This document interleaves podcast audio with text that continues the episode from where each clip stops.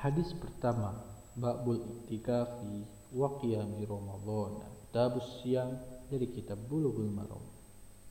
An Abi Hurairah radhiyallahu anhu anna Rasulullah sallallahu alaihi wasallam qala Man qama Ramadana imanan wa ihtisaban ghufira lahu ma taqaddama min dambihi muttafaqun alaih dari Abu Hurairah radhiyallahu an bahwasanya Rasulullah Shallallahu alaihi wasallam bersabda Barang siapa yang beribadah Ramadan karena iman dan harap keriduan Allah maka diampuni baginya dosanya yang telah lalu.